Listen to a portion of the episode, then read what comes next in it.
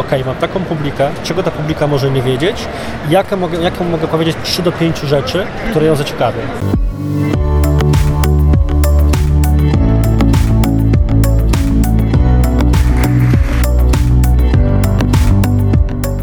Cześć, moim gościem właśnie jest Artur Jabłoński. Jakbyś mógł parę słów powiedzieć o tym, czym się zajmujesz?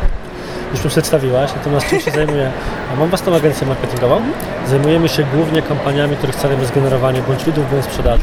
Czyli jest to trochę holistyczne podejście. Wyrastaliśmy z bycia agencją social media, ale po pewnym czasie okazało się, że bycie agencją social media to tak naprawdę jest bycie czymś więcej, bo teoretycznie klient przychodzi do Ciebie, żebyś prowadziła mu Facebooka albo robiła mu kampanię na LinkedInie, ale okazuje się, że ma dużo innych rzeczy po drodze, które są niepoukładane i de facto kończysz jako osoba, która robi komunikację, plan działań, harmonogramy marketingowe, pomysły Cały proces, kampanię. cały proces. Cały proces, dokładnie. Więc teraz troszkę się repozycjonujemy jako agencja tego typu, a ja prywatnie poza tym prowadzę szkolenia, piszę bloga, jest to jeden z bardziej poczytnych blogów i marketingu Tak, dokładnie. kraju. Ja już Cię od kilku ładnych lat obserwuję.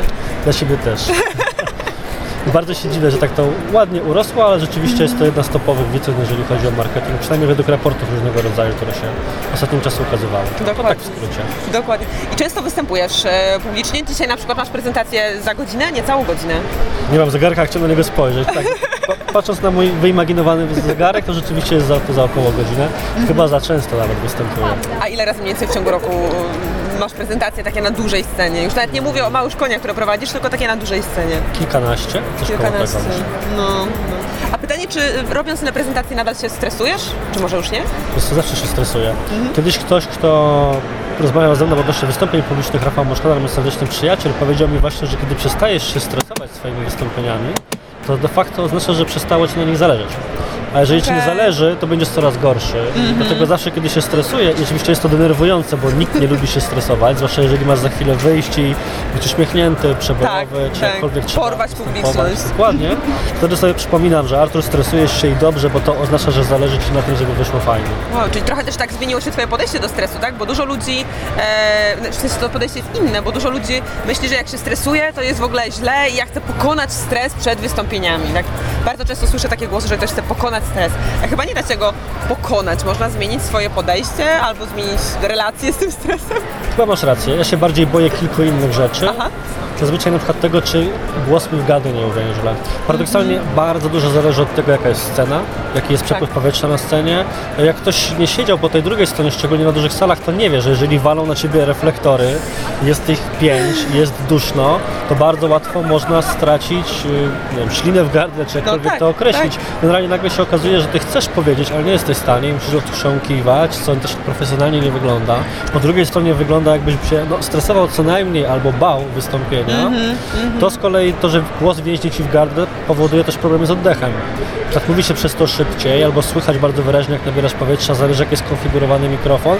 Ja się bardziej denerwuję czy stresuję takimi rzeczami, że właśnie pewne technikalia albo moja dyspozycja danego dnia, bo będę, nie wiem, mniej wyspany bądź po długiej podróży w pociągu sprawi, że wystąpienie, które wierzę, że będzie dobre, będzie gorsze przez to, że nie zadbałem albo nie udało mi się zadbać o jakieś elementy wokół tego wystąpienia. Albo też są często takie rzeczy niezależne, w stylu projektor nie zadziała, rzutnik nie zadziała, nie to mamy można, na to wpływu. to można ograć bardzo często w żart w tym momencie. I Tak się chyba w zasadzie powinno robić. W sensie nie można panikować z tego powodu i po prostu postarać się poczekać, aż to się jakoś rozwinie. Bardziej właśnie męczą mnie takie rzeczy związane z dyspozycją fizyczną, bo jeżeli Mhm. mm czasami jest tak, że z uwagi na sytuację muszę wyjechać o 6 rano, żeby dojechać gdzieś na 14, żeby o 14.30 wchodzić na scenę Okej. i wracać następnych kilka godzin. Więc wtedy okazuje się, że takich kilka godzin w pociągu, choć teoretycznie nie jest to męczące, no bo nie prowadzisz samochodu, Mhm. potrafi wymęczyć dużo gorzej, bo wszyscy wiemy, jakie są standardy w polskiej kolei. Dokładnie. No dobrze, to zmieńmy temat polskich kolei, nie idźmy może w tą stronę. W jaki sposób się przygotowujesz do wystąpienia? W sensie koncepcja, czy długo nad nią myślisz? Tydzień, dwa, miesiąc? Czy dużo zależy od tematu. Jeżeli jestem poproszony, bo to od rodzaju konferencji. Po rodzaju konferencji mówicie, jaka będzie publiczność. Jeżeli konferencja jest taka jak InfoShare, no to w tym momencie bardzo ciężko jest o taki jeden przekrój publiki de facto musisz się zastanowić nad tym, co chcesz powiedzieć, w sensie jacy ci ludzie będą i jakkolwiek by to brzydko nie zabrzmiało, na co sobie możesz pozwolić. Bo jeżeli jest to konferencja specjalistyczna albo na przykład poświęcona konkretnej branży, gdzie załóżmy będzie to, nie wiem, handel, e-commerce, i ty wiesz, że ci ludzie prowadzą dużo kampanii reklamowych, a ja najczęściej o tym mówię, to jesteś w stanie założyć, że pewien poziom wejściowy oni już mają i wejść troszkę wyżej, jeżeli chodzi o swoją prezentację, ale też trzeba uważać, żeby nie zgubić publiki. Z mojego doświadczenia e, największym problemem jest coś takiego, że dla mnie wszystko, co mówię, wydaje się już banalne, Mhm, z oczywiste. kilku powodów. No tak, ja już no to kilka razy powiedziałem.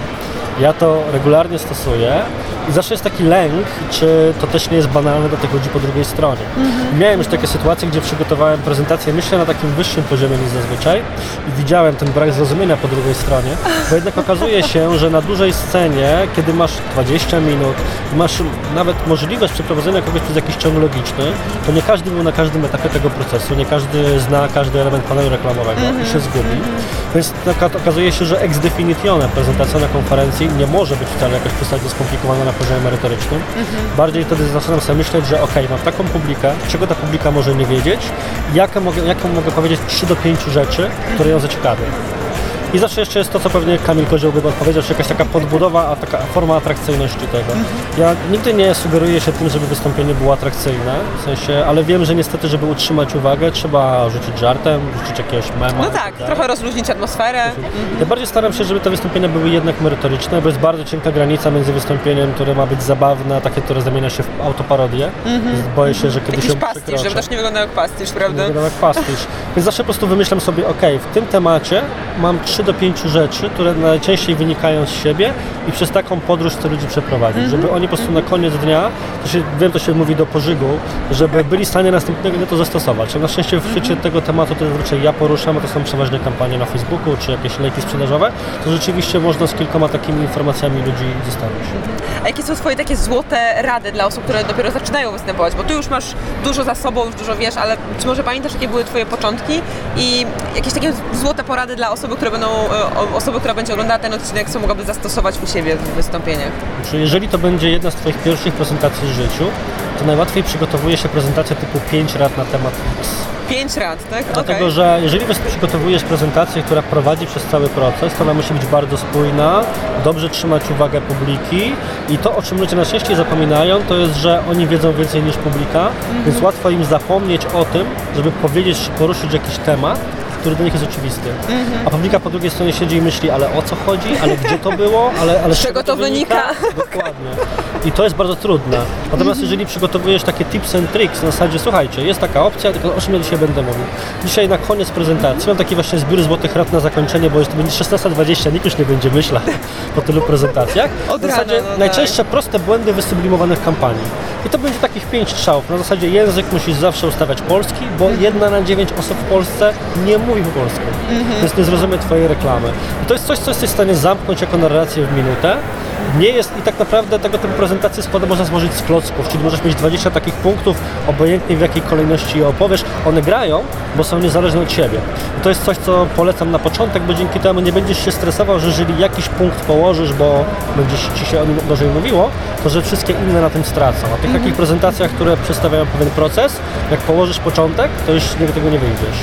Super, czyli pięć porad na to jest dobry model na jedną z takich pierwszych Tak, na prezentacji, okazji z żeby się punktu widzenia publiki, z punktu widzenia publiki jest to też dobre, bo ta publika może w tym momencie no, wychodzić z konkretnymi poradami na ten temat. Super.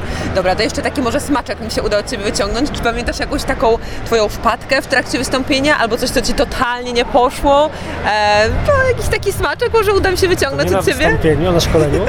Miałem coś takiego, że zostałem poproszony, bo czasami jestem, jak ktoś się śmieje, najemnikiem, czyli prowadzę szkolenia dla jakiejś. Najemnikiem, okej. Firma wynajmuje mnie, że poprowadzić na przykład szkolenie dla grupy, którą ona zbierze. Mhm. I okazało się, że pojechałem, przeprowadziłem szkolenie, przyjeżdżam dwa tygodnie później na kolejne i okazuje się, że poprowadziłem szkolenie na zupełnie inny temat niż miałem poprowadzić. Okej. Co ciekawe, nikt mi o tym nie powiedział, nikt z obecnych nie zaprotestował i wszyscy Ale- wystawili piątki temu szkoleniu, bo byli zadowoleni. Wow. Ale okazało się, że nawet, wiecie, no to jest tak dziwne, że nikt nie zgłosił, że... Bo to były dość bliskie rzeczy jednak, bo miało być takie szkolenie bardziej o moderacji, a ja zrobiłem o reklamie. Aha. Wszystkim się podobało, ale to, to pokazywało, jaki wtedy miałem poziom zajechania robotą, że po prostu No tak. założyłem z góry test na inny temat. Ale gadałeś z sensem, wszyscy byli zadowoleni. Na szczęście tak. Mam nadzieję, że po prostu, że nie spali. Nie, no jak piątki były, to na pewno było dobrze. Super, dzięki Ci Arturze, tak To ja dziękuję. informacje.